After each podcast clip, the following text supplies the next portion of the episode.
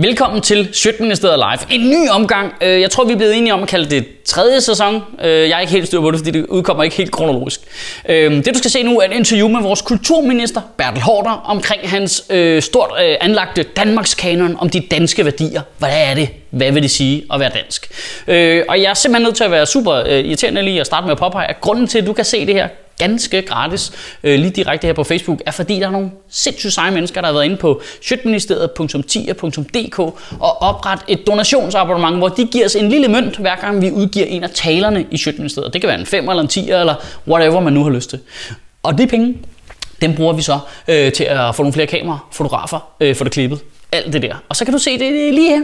Og det er et meget sjovt interview. Jeg havde det lidt svært med Bertel Hård i starten, for man er lidt bange for ham, ikke? fordi man har set det der risengrødsklip. Men han var virkelig sjov, øh, selvom han ikke har nogen levering. Øh, først, jeg kunne ikke afkode, hvornår han sagde noget for sjov, hvornår han ikke gjorde. Men øh, det gjorde han ret tit, synes jeg. Øh, og så blev det faktisk en øh, utrolig dejlig, nuanceret snak om øh, øh, danske værdier. Ikke sådan en jeg bare lige for at tage det i kontekst, det er ikke sådan Marie Krav snak. Det er en rigtig hyggelig øh, snak med en rigtig hyggelig mand, som hedder Bertel Hårder. Du kan se det her. Velkommen til. Tak. Tak fordi du vil komme. Og, og pas på, at du ikke falder baglæns ned Ja, af jeg har lille- lige, øh, set. Fordi så får jeg ballade med teateret i hvert fald. Øh, tak fordi du vil komme. Det, du er den første øh, minister fra den nye regering, der har sagt ja til at komme. Og jeg spørger altså jer alle sammen hver gang. Øh, og det er et halvandet år, jeg har arbejdet på at få en fra den her fra Venstre-regeringen. Du er den første, det skal du have ros for. Men nu ved du så, hvem du skal gå til, hvis du har problemer. Ja. Kan du, har du Lars Løkkes telefonnummer? Fordi jeg har prøvet nogle gange. Ja. De svarer mig simpelthen. Jeg vil sige, at øh, jeg er meget imponeret over alle øh, presseafdelingerne og alle ministerierne. De svarer med det samme og er super søde og professionelle. Statsministeriet, jeg har aldrig hørt fra dem overhovedet. Jeg ved ikke, om de er bare på ferie hele tiden. Eller... Men de svarer, når jeg prøver. Ja, okay. Men så ringer jeg til dig, tror jeg. Det kan være.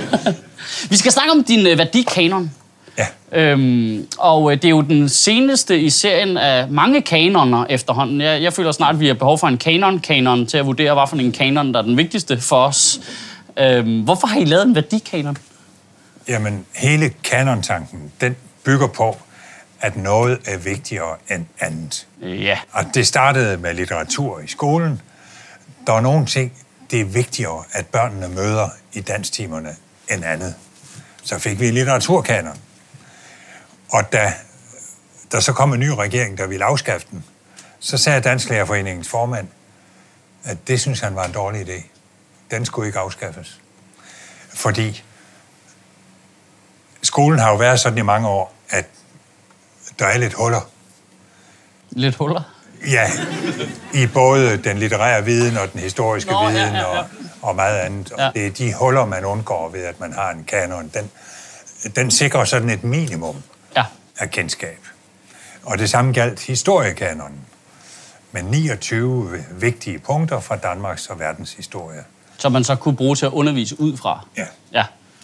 Så, vi fik også en demokratikanon, så lavede Brian Mikkelsen en kulturkanon. Det kan jeg også godt huske. som egentlig var en kunstkanon. Altså, hvor kloge mennesker sagde, hvad er det bedste i dansk arkitektur og musik og Og den er svær, ikke? Øh, jo, jo, det bliver der en fin bog ud af. Og det, jeg nu har startet... Og du har glemt Dan Jørgensens madkanon. Den var der også. Det er rigtigt. Ja. ja. Øh, flæskestegs... Det var flæskesteg og ja. persillesovs. Eller hvad det var. Ja. Stegflæsk og persillesovs blev ja. nationalret, ja. Jo, men det er da også det, jeg bedst kan lide. Så det var der da ikke noget galt. Men og nu er det sådan en værdikanon. Ja, øh, som du helt rigtigt kalder det. Ja. Det er en værdikanon. Ja. Og ikke en kunstkanon. Nej. Den, den skulle egentlig hedde kulturkanon, men det navn var jo brugt. Af Brian Mikkelsen. Så måtte vi finde på noget andet, så blev det Danmarks kanon. Ja. Men det er ikke en danskhedskanon. Det er ikke et afkrydsningsskema, så man kan se, hvem der er dansker og hvem der ikke er det. Og det er heller ikke en kanon, der påstår, at alt det mest danske, at det er noget, der er groet herhjemme. Tværtimod, det meste er kommet til os udefra, men så er det blevet omsat til noget dansk. Ja. Og det er heller ikke, øh, det er ikke en kanon, der skal skabe skæld og sige, her har vi danskerne, her har vi de andre. Det er nærmest det modsatte. Det er, jeg vil næsten kalde det en, en integrationskanon. En integrationskanon. Fordi et af problemerne i integrationspolitikken, det har været, utydeligheden. Vi har været dårlige til at fortælle, hvad det er for et samfund, det her er. Og det Men er samme... det ikke også, fordi vi selv er i tvivl jo? Det er vel også en af jo. de gode ting ved at lave sådan det er det måske nok. Det er, at vi selv skal til at diskutere, hvad er det egentlig? For vi ved det ja. rigtigt. Og, og den utydelighed, den, den præger også skolen.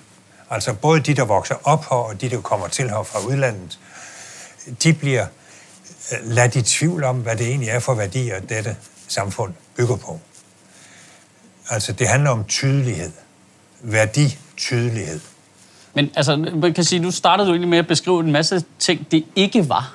Det er ikke sådan en kanon. Ja. Det, er ikke sådan, det er vel også et af problemerne her, fordi at du er nødt til at gøre så tydeligt. Ja. Du er nødt til at være super tydelig og sige, det er ikke det her, der er målet, og det er ikke det her, der er målet. Jamen, det, øh, Brian Mikkelsen var jo lige ved at falde i en grøft, ikke? fordi han kom til at sige, at det er sådan den, der viser, hvor gode vi er her, sammenlignet med andre. Ja, ja. Det er jo ikke det. Nej. Den skal bare vise, hvad det er, vi lægger mest vægt på. Og den skal heller ikke sige, at alt, at værdierne i Danmark er blevet til i et drivhus. Nej, det er kommet udefra, men det er blevet omsat til noget dansk. Jeg kan give dig et eksempel på, hvad der er kommet udefra. Ja. Altså fra Tyskland. Vi taler ikke meget om det, men sandheden er jo, at kristendommen, reformationen, romantikken, kulturradikalismen, arbejderbevægelsen, socialdemokratiet, juletræet, det er kommet sydfra alt sammen. Ja, ja. Og juletræet, så hængte vi girlander på med Dannebro, så blev det dansk. Så blev det pæredansk. Ikke? Og man kan også roligt sige, romantikken fik en dansk udformning med, med, grund, med Grundtvig og H.C. Andersen osv. Så, det hele er blevet pæredansk, men det startede med en udenlandsk påvirkning. Men stopper det så nu, hvor vi så beslutter os for, hvad for nogle værdier, der er de danske? Altså... Nej, det vil Gud det ikke gøre. Nej. Altså, vi vader jo i påvirkninger udefra, øh, både sproglige og kulturelle ting på, på musikken, tænk på tv-serier og så videre. Men er der så ikke Nu er det heldigvis sådan, at der i virkeligheden er mere, vi påvirker andre med, end de påvirker os lige i øjeblikket. Men det er så en anden sag. Men er, det, er problemet så ikke, når vi så siger, nu det her de danske værdier, så er det, det, det føles meget statisk. Det føles som om, man låser det fast og siger, så, ja. nu er det nu. Det er det her. Det, så, det. så snakker vi ikke mere om det. Det er et øjebliksbillede. Ja. Og når vi stemmer, øh, altså i i morgen, ja, i morgen, jeg skulle lige sige det. I morgen tirsdag, der stanser jo indsamlingen af forslag. Til, øh, til uh, Danmarks men, men I kan jo godt nå at komme med et par ekstra. De skal nok komme med. Ved du jeg tager, jeg tager dem her og skriver dem ned og sender dem til dig. Der er kommet 2200. Ja. Endda lidt flere. Og så sidder der nogle kloge mennesker og lægger dem i bunker. 10, 10 eller 20 bunker og laver en overskrift. Og så bliver der en afstemning. Igen? I slutningen af måneden. Okay hvor man så kan gå ind på danmarkskanon.dk og stemme. Og man må sætte kryds ved så mange man vil. Øh, altså, hvor man kan tilkendegive, hvad man synes er vigtigt. Ja. Og det, der er øh, spørgsmålet, som vi skal besvare, det er, hvad er vi kommet af? Undskyld, hvad er vi formet af? Ja. Hvad er vi fælles om, som er så vigtigt, at vi skal have det med ind i fremtiden? Det er der, værdien kommer ind. Vi skal vurdere, hvad er det, der er så vigtigt, at vi skal have det med ind i fremtiden. Men er vi ikke, altså i forvejen, altså nu ved jeg godt, nu nævner du det i forhold til integration, men jeg vil jo sige, at der er, der er jo så stor værdispænd bare i Danmark alene. Altså, jeg er ikke, ja. altså, at, at bliver det ikke svært at definere, hvad, men, hvad, hvad vi har til fælles, uden det bliver altså, ret banalt egentlig? Altså uden at det bliver noget helt almindeligt. Øh, der er jo ikke, det er jo svært at definere noget særligt dansk, der adskiller os fra alt anden vestlig kultur egentlig. Er det ikke det? Men nu har du jo lige beskrevet øh, spændingen mellem 2200 forslag, der utvivlsomt kommer rundt i mange hjørner. Ja, det, nu var jeg inde og kigge på nogle af dem, det gør de altså. Og så, ja, man kan, man kan læse det alle sammen. Ja, jeg griner meget af, at der var nogen, der både havde nævnt, at vi var autoritetstro, og så var der nogen, der havde nævnt uh, anti-autoritære. De stod ved siden af hinanden. Ja, ja. Det, men, men det viser jo ret tydeligt, at det er to mennesker, der bor i det her land, som bare til, de har bare helt hver deres billede af, hvordan vi er her. Men jeg tror, jeg gætter på, at der vil være ret stor enighed. For eksempel om, at ligestilling, det er nok en meget vigtig værdi. Ytringsfrihed. Tillidskultur, altså det, at der ikke er korruption i Danmark. Vores velfærdssamfund. Vi er det mindst korrupte samfund i hele verden. Men er det før eller efter Dong-sagen, vi regner nu? Øh... Nej. altså... For du skal ikke vurdere det på, om om der er nogen, der laver numre. Du skal vurdere det på, om det bliver opklaret. Og, og, Og det gør det i Danmark. Ja, det er rigtigt, det er rigtigt. Ja. Øh, Så det, det, du siger, er, fordi vi har, de, de mennesker, vi har her, der er korrupte, de er så dårlige til det, så de bliver opdaget.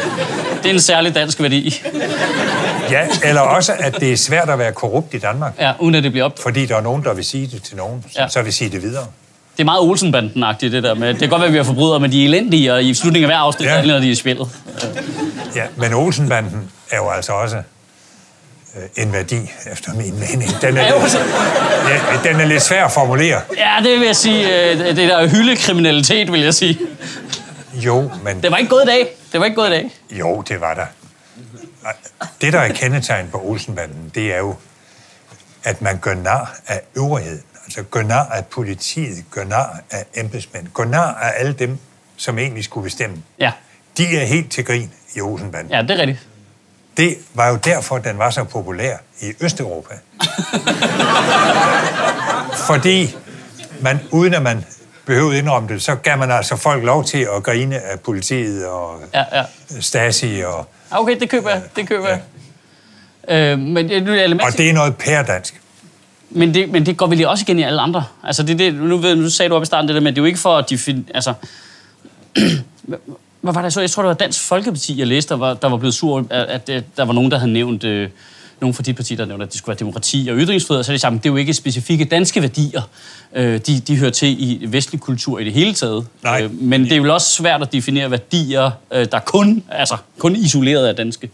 Men de behøver jo ikke kun være danske. Det. Nej. handler jo om, hvad der er så vigtigt, at vi vil have det med ind i fremtiden. Og de ting, jeg har nævnt, altså jeg tror nok ligestillingen er kommet lidt længere i Danmark end de fleste andre steder, måske med undtagelse af Sverige. Jeg tror nok, det med ikke at være korrupt, jamen det kan man jo måle. Ja, ja, det vi er det mindst korrupte ja. samfund i verden.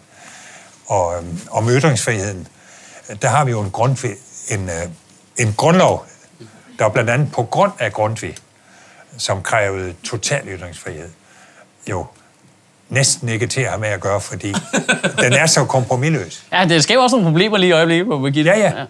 ja. Øh, men det, øh, altså, Og vi er berømte for Mohammed-krisen, ikke? Ja. Hvor, hvor konklusionen jo er blevet efter 10 års strid, det er jo, at vi skal stå fast på ytringsfriheden. Men øh, altså, når vi så, det vi snakker om i, i starten, det der med, at vi ligesom vi skal finde ud af, nogle værdier vi vil have med os ind i fremtiden. Hvorfor er det, vi skal tage dem med os derhen? Øh, Hvorfor skal de mennesker, der er i fremtiden, ikke selv definere deres værdier? Jamen, er der noget vigtigere, end at få det bedste i vores samfund ind i hovedet på vores børn, og også på dem, der kommer hertil udefra, så det kører videre, hvis vi nu synes, det er det bedste. Altså, Det er lige, lige nu. altså når forældre opdrager deres børn, så vil de da gerne have, at deres værdier går videre, og det er jo sådan set det, det handler om. Det er de vigtigste værdier, at de bliver erkendt. Vil man det? Det er sjovt. Nu skal jeg fortælle dig, hvem der har inspireret mig til det. Ja. Det er blandt andet Paula Larrain, som kom fra Chile som lille pige. Og i hele sin barndom, der troede hun ikke, der var værdier og kultur i Danmark. Fordi det kunne hun ikke se noget af. Derimod synes hun, at den chilenske kultur, som de dyrkede i de chilenske eksilkredse i Danmark, den var rig, ja. Og den betød noget for hende. Det var først, da hun allerførste gang kom ind i en kirke, så opdagede hun, at der er der trods alt lidt kultur i Danmark. og Rushi Rashid, som er studievært øh, på 24-7, hun har jo skrevet det samme i sine meget spændende bøger, om hvordan hendes far havde en kiosk på Nørrebro, og han troede ikke, der i Danmark var andre end cheferhunder og subsistensløse og fulderikker og prostituerede og så videre, altså som man jo kan møde som kioskejer på Nørrebro, ikke? Og derfor sender, og derfor sender han Rushi hjem, da hun er 10 år, fordi hun skulle altså ikke vokse op her. Hjem til Moster Mimi, øh, som jeg i øvrigt har truffet. Fordi nu skulle hun øh, blive en ordentlig pige ved at komme hjem. Men er der ikke en fare ved at bruge vores tid på det sådan et øjebliksbillede? At Og de derfor værdier, vi har Rushi Rashid også heldigvis øh, været med til det. Altså hun synes, det er en god idé. Det gør Paul Allerang også. Ja, men, men jeg mener bare, at øh, nye folk, der kommer til øh, udefra, og de børn, vi får her, trækker vel vores land i en ny retning også. Altså, Det skal de også. øh, og, ja, ja. og, og trække, altså, danne deres egne nye værdier. Er det ikke, ja, ja. ja. Altså, kan vi ikke, at vi spilder vores tid på at sidde og sige, sådan her, nu, det er perfekt, vi kunne godt lide Olsenbanden. Øh, og så øh, bevæger tiderne fordi- så videre, og så vil man hellere noget andet. Og så bliver det, så bliver, det bliver lidt sådan en, en Men- gemmeleg. Men det bedste er jo, at man, når man vil række ud efter noget andet, at man så har noget at stå på. Nogle værdier at stå på. det er en irriterende eller, god metafor, det der. Eller at man har noget at gøre oprør imod. Altså mange nybrud skabes jo ved, at der er noget at gøre oprør imod. Ungdomsoprøret, ikke, som ganske vist gik i sin mor igen, ja. men de havde noget at gøre oprør imod.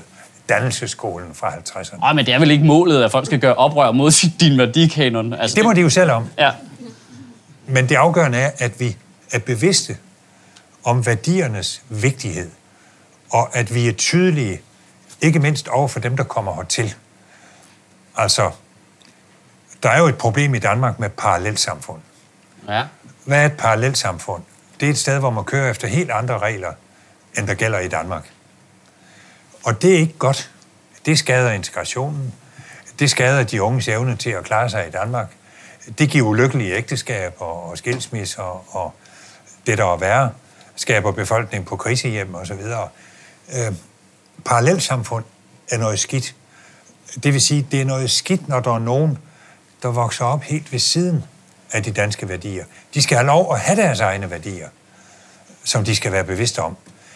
Men de skulle helst ikke være i modstrid med de danske. Og det er sjovt, for jeg har tit, jeg har tit filosoferet over det der, man siger, at parallelsamfund er dårligt. Jeg vil sige, at parallelsamfund, det lyder jo som en god ting. Det er ved siden af og løber i samme retning.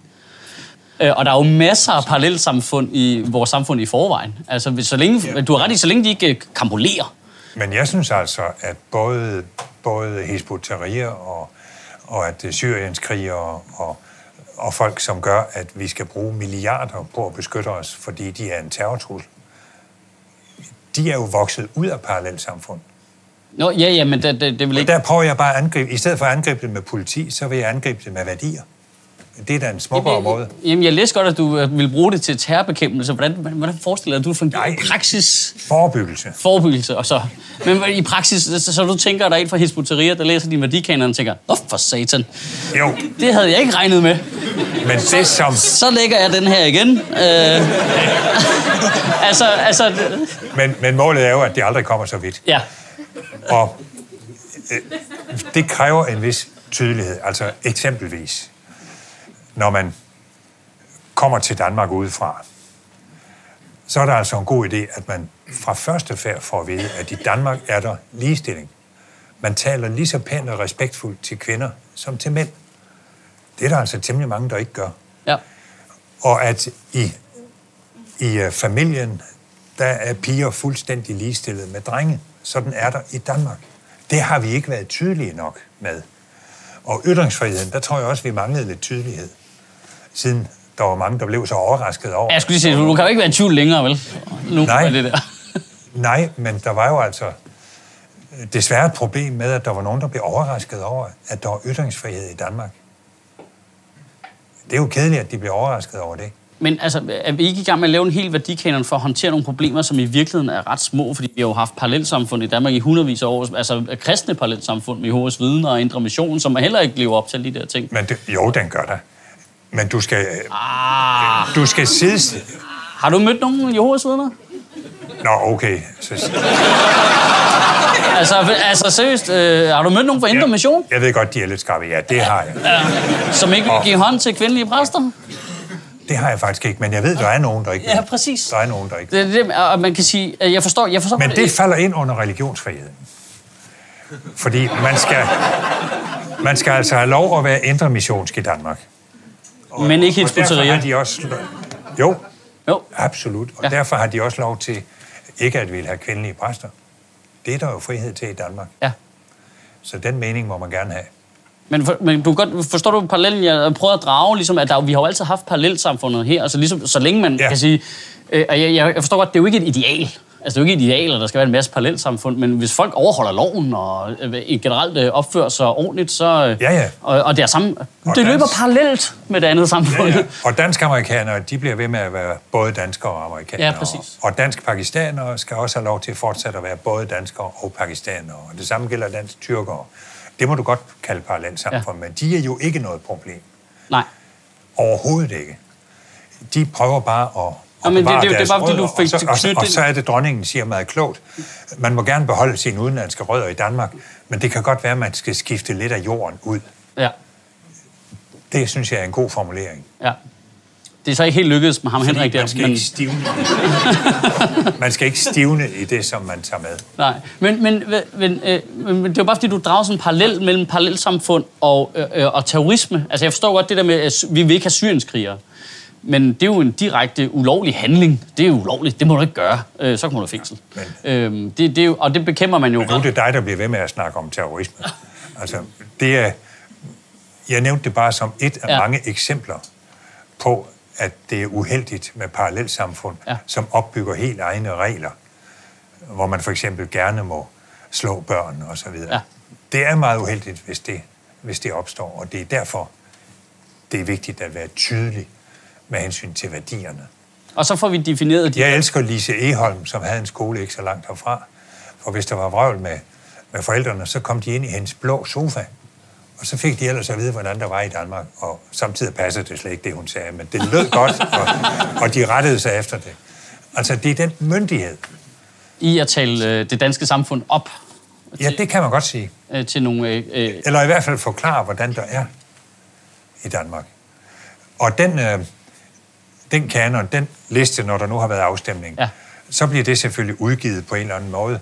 Og jeg tror også, at det bliver en app, som du kan gå rundt med. øh, men så hvis man lige er i tvivl om, hov, øh, det koster desværre 120 kroner, det er vi bange for, at skolebørnene ikke vil betale. Og, og derfor bliver det også et link. Sådan, så man altså men ind. nærhed er også en god dansk værdi, ikke? det, er bare, det er fordi, når jeg ser... Så man nemt kan gå ind og tænke bare, hvor mange stileemner man kan, og hvor mange debatter man kan få øh, i skolen og uddannelserne og på folkehøjskoler og i voksenundervisningen. Altså, jeg tror, mange vil kaste sig over det og sige, her har vi et debatmateriale. Nå, men det- Og det er der rigtig meget, der tyder på, fordi der kommer ufatteligt mange rundt omkring i landet, når der holdes kanonmøder. Der er mange, der gerne vil diskutere værdier. Og det ser jeg som et tegn på, at det har vi nok gjort for lidt. Og det er jo ikke aggressive værdier. Nej, fordi det er det der med... Det er ikke nogen, der skal udelukke nogen. Nej, fordi der er en vis risiko. Er der ikke en risiko for, at vi kommer til at... Altså, at det bliver ekskluderende? Jo, det må ikke ske. Nej. Og det har jeg understreget lige fra starten. Øh, også fordi du, man kan sige, du har jo nogle kollegaer i Folketinget, som godt kunne tænke sig at bruge det på en lidt mere ekskluderende façon, måske. Jo, men, øh, Det er jo formuleret det så blødt, jeg lige Men- kan... men dem har vi jo også på visse måder fået for vores sønders skyld. Altså, fordi der var noget, som man skulle tale om. Ja. Og, og der prøver jeg så på en god, humanistisk, værdipræget højskolemåde at tale om de samme ting, øh, så det ikke ekskluderer. Det er sjovt, fordi jeg læste dit eget bud på fem værdier. Og der er du faktisk... det- Jeg studsede over, at du havde nævnt højskolekulturen som en dansk værdi. Ja. Øh, det, det, sige, det var en meget lille ting at nævne. Altså, Ja. ja. Jeg tror, de færreste danskere har gået på en højskole. Men det var, altså, det var fordi politikens læsere har gået på højskole. afs- i en afstemning for halvandet år siden kårede højskolekulturen til at være det vigtigste. Nej, men det, det siger der mere om politikken, end der siger om højskolekultur, egentlig. Gør det ikke? Altså, Jo. de færreste danskere vel gået på en højskole, og det, de, virker, det bliver bare så småt på en eller anden måde. For- Nu tror jeg, jeg skal lære dig noget. Jeg er altid frisk. Højskolekulturen er en af de mest ædle oplysningstraditioner i verden. Nå, men jeg, Og det, den var med til at gøre danskerne fra almue til folk, til, måske det mest oplyste folk i verden. Synes du egentlig ikke, det er godt? Også Ja. for vores demokrati. jeg, jeg har intet imod højskolekonceptet, men jeg mener bare, det er ikke repræsentativt for befolkningen. Vi er det land i verden, der bruger mest på voksenundervisning, inklusive højskoler. Men ja, jeg, jeg, jeg, det, det, det, det var ikke for at sige noget Så dårligt. om det er noget specielt dansk. Men det var, det var ikke for at sige noget dårligt om det, men jeg kan bare ikke lade være med, at du, ved, du er selv fra højskolebaggrund, og du har undervist på en højskole, og sådan, det virker på, Jo, jo. så, ja, men så bliver det bare sådan lidt, så nævner du bare noget, du selv godt kan lide som en dansk værdi, og så... Jamen nu var det jo altså politikens læsere, der kårede det til at være det det vigtigste. Så sådan må, lidt jeg I vel, love lamp-agtigt. så må jeg vel godt have lov at nævne det. Og, og nu bliver det jo altså læserne, eller rettere Ja, ja, sagt, ja. det bliver borgerne, Ja. som skal bestemme om folkeoplysning, for det kan man jo også kalde det, Ja. skal højt op på listen. Men nu, øh, hvis jeg skal være rigtig grov, hvor mange mennesker under 50 tror du så deltager i den der Danmarks kanon? Rigtig mange. Okay? Men jeg skal nok bruge flere Men vi informationer. tager, jo ikke, vi tager jo ikke alderen på dem. Nej, det er det, jeg mener. Men jeg kan sige dig, at den dag, vi startede indsamlingen, der var jeg ude på Københavns Hovedbanegård. Og det var tilfældigvis den mandag morgen, hvor en masse skoleklasser skulle på lejerskole. Og så stod der nogle drenge, jeg spurgte den første, hvad synes du er det vigtigste at have med ind i fremtiden? Han svarede, ramadanen, fordi den er, den er god for de fattige. Nu er jeg ikke sikker på, at ramadanen kommer ret højt på listen. jeg skulle lige så sige, at du får i hvert fald nok nogle problemer. det er helt tydeligt, det havde de talt om hjemme ved morgenbordet, fordi ja. de havde jo hørt om, om, om det her. Og jeg synes da, set fra hans værdisæt, så var det da et godt svar. Den næste, jeg spurgte, sagde, det var sådan en lidt gammelklog 10-årig dreng med briller. Han, øh, fuldstændig som jeg selv var i den alder, han, han sagde, jeg synes, det vigtigste er, at der ikke er korruption i Danmark. du var en 10-årig dreng. Det sagde han. Og, og, og igen tror jeg, at de havde siddet og snakket om det derhjemme. Så der må have været et godt indslag i, øh, i TV2 øh, morgenflade den dag, for de var, de var til med forberedt. Ja. Og det er da et meget sødt eksempel. Altså enten har de selv fundet på det, eller også har de siddet og snakket om det derhjemme. Det, det, det, er bare... det gør jo hele kanonen øh, til noget værdifuldt. Ja, ja, jeg er helt enig. Jeg træffer nogle tilfældige skolebørn.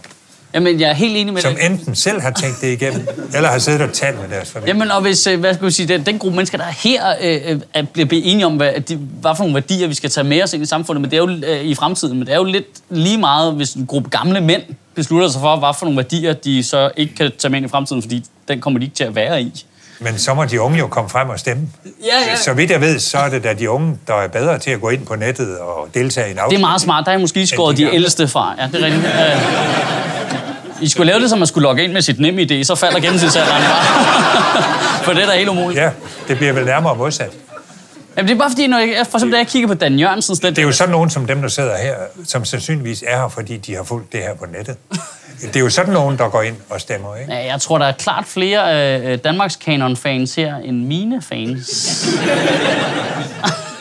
der, er ikke, der er ikke høj gennemsnitsalder her. Ja, øh, det kommer an på, øh, nok ikke i forhold, til, i forhold til Folketinget måske, men altså sådan i det hele taget, så er det, hvad er gennemsnitsalderen her er vel øh, lige under 30, fordi jeg ja. på. Det er jo egentlig ikke... Kalder du dem gamle? Øh, nej, men, men de er da heller ikke unge, er de det? Nej, det synes jeg. Men, det, det, det, men nu bliver, det, nu bliver alle relativt på en eller anden måde. Men det, det var bare fordi, jeg så Dan Jørgensens kanon der. Det, det, det, jeg synes, den kom, men det der med det mad, det synes jeg også blev så åndssvagt, fordi så besluttede man sig så for, at øh, jamen, det danske nationalret, det var stikflæs med persillesovs. Noget ingen mennesker under 40 laver til sig selv. Jo, vi spiser jo stadig italiensk mad. Øh, ah. okay, der er en opbrug alligevel uenig her. Øh. Men jeg, er bare, jeg siger bare, jeg har ikke set sådan nogle vogne, der sælger stikflæs med persillesovs om natten nede på Nørreport. Men den risiko må man løbe. Men pointen er, der ikke er bare samme risiko her, at det ligesom bliver sådan en, et old man's game at definere, åh, oh, det her det var vi, da jeg var ung, øh, højskole og cykelkultur og sådan noget, og så, og så, bliver det, så bliver det, går det tabt. Det er første gang, jeg hører, at det skulle være de gamle mænd, øh, der først går ind og stemmer på nettet. Altså, undskyld, det tror jeg simpelthen ikke. Hvad Ganske tror... enkelt. Øhm, jamen, det, det finder vi ud af. Nej, det finder vi ikke ud af. Fordi Nej, det, det, gør, det gør Nej, men ved du hvad, nu kommer øh, øh, tidligere PET-mand øh, fra øh, Hans Jørgen Bollingsen senere, så er jeg sikker på, at han kan fortælle os, hvordan vi kan gå ind og finde de oplysninger alligevel. øh, det kan være. Ja, så finder vi ud af det. Det vil faktisk være en god idé. Ja, vi kan også lave et rundspørg bagefter. Ja, det vil være en god idé. Og vi kan måske spørge tilbage. Men, Hvor gammel er du? Hvor bor du? Det kunne da egentlig være meget sjovt. Men så når de spørger... Ja, fordi der er også noget i geografi der, ikke? Så hvis det er muligt teknisk at spørge tilbage, tak for din stemme, vil du være så venlig at fortælle? Hvor gammel er du? Ja. ja. Det kunne da være spændende. Ja. Hvad er dine bankoplysninger? hvad, hvad tror du, hvad, hvis du sådan selv skulle øh, øh, det er sådan lidt tavle spørgsmål. Hvis du selv skulle, øh, nu prøver jeg at definere nogle forskellige værdier, men hvis du selv skulle sige sådan en værdi, hvor du tænker, det her, det tror jeg er en essentiel øh, følelse, som går igen i mange danskere, lige meget øh, alder og lige meget, øh, du ved, etnisk baggrund. Og, ja. hvad, hvad tror du så er en sådan ting, der går igen? Men det bliver noget med tillidskulturen, vi talte om. Ja. Øh, ligestillingen, som er helt fundamentalt. Ytringsfriheden, oplysningen, og så har jeg jo tilladt mig også at, at nævnt øh, øh, det, som er svært at, at give et ord, men det har noget med lige værdighed at gøre. Blandt andet det, at høj og lav, alle cykler i Danmark. Ja. Det er vi virkelig fælles om.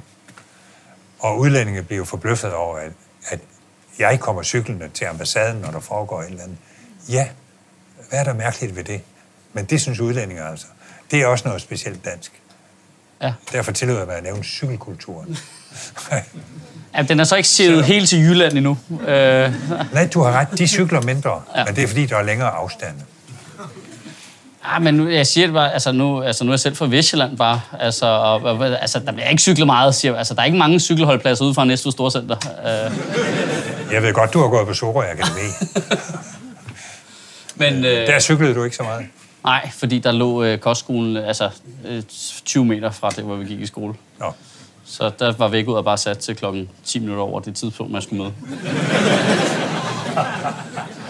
Men øh, tak fordi du kom, Bertel. Det, Det var en. Tak for gode og frække spørgsmål. Tak,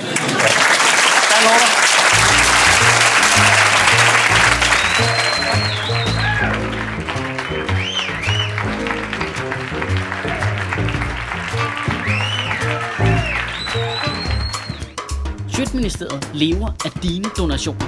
På tier.dk kan du oprette et donationsabonnement, hvor du giver lige præcis det beløb, du har lyst til. Og så kan vi lave flere interviews på Nørrebro Teater, flere taler, sende Sofie Flygt mere på gaden. Og oh, hvis ikke du gør det, så er du en big and shows.